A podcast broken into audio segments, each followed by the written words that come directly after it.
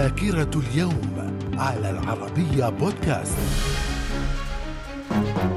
أهلا بكم ومن ذاكرة اليوم السابع عشر من يناير في العام 1595 ملك فرنسا هنري السابع يعلن الحرب على إسبانيا. في العام 1773 جيمس كوك يعبر الدائرة القطبية الجنوبية ليكون بذلك أول من يعبرها.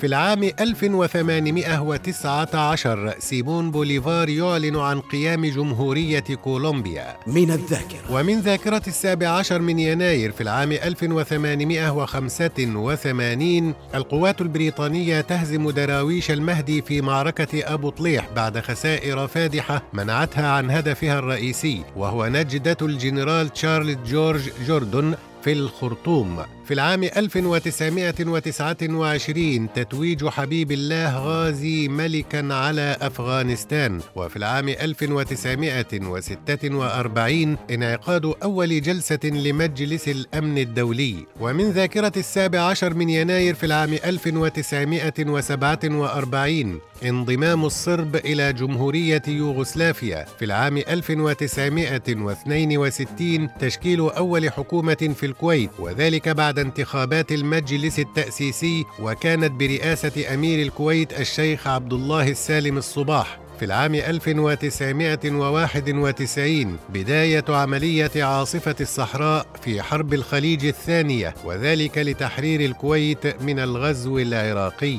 في العام 2009 رئيس الوزراء الإسرائيلي إيهود أولمرت يعلن وقف إطلاق النار من جانب واحد في قطاع غزة منهيا بذلك الهجوم الإسرائيلي على القطاع. من الذاكرة ومن ذاكرة السابع عشر من يناير في العام 2011 الإعلان عن تشكيل الحكومة التونسية الجديدة التي يرأسها محمد الغنوشي ويشارك بها زعماء من المعارضة وذلك بعد أيام من الإطاحة بالرئيس زين العابدين بن علي. من الذاكرة. من مواليد السابع عشر من يناير في العام 1899 آل كابوني رجل العصابات الأمريكي الشهير. في العام 1905 ولد يحيى حقي الكاتب والروائي المصري. وفي العام 1933 ولدت المغنية الإيطالية المصرية الفرنسية داليدا. في العام 1942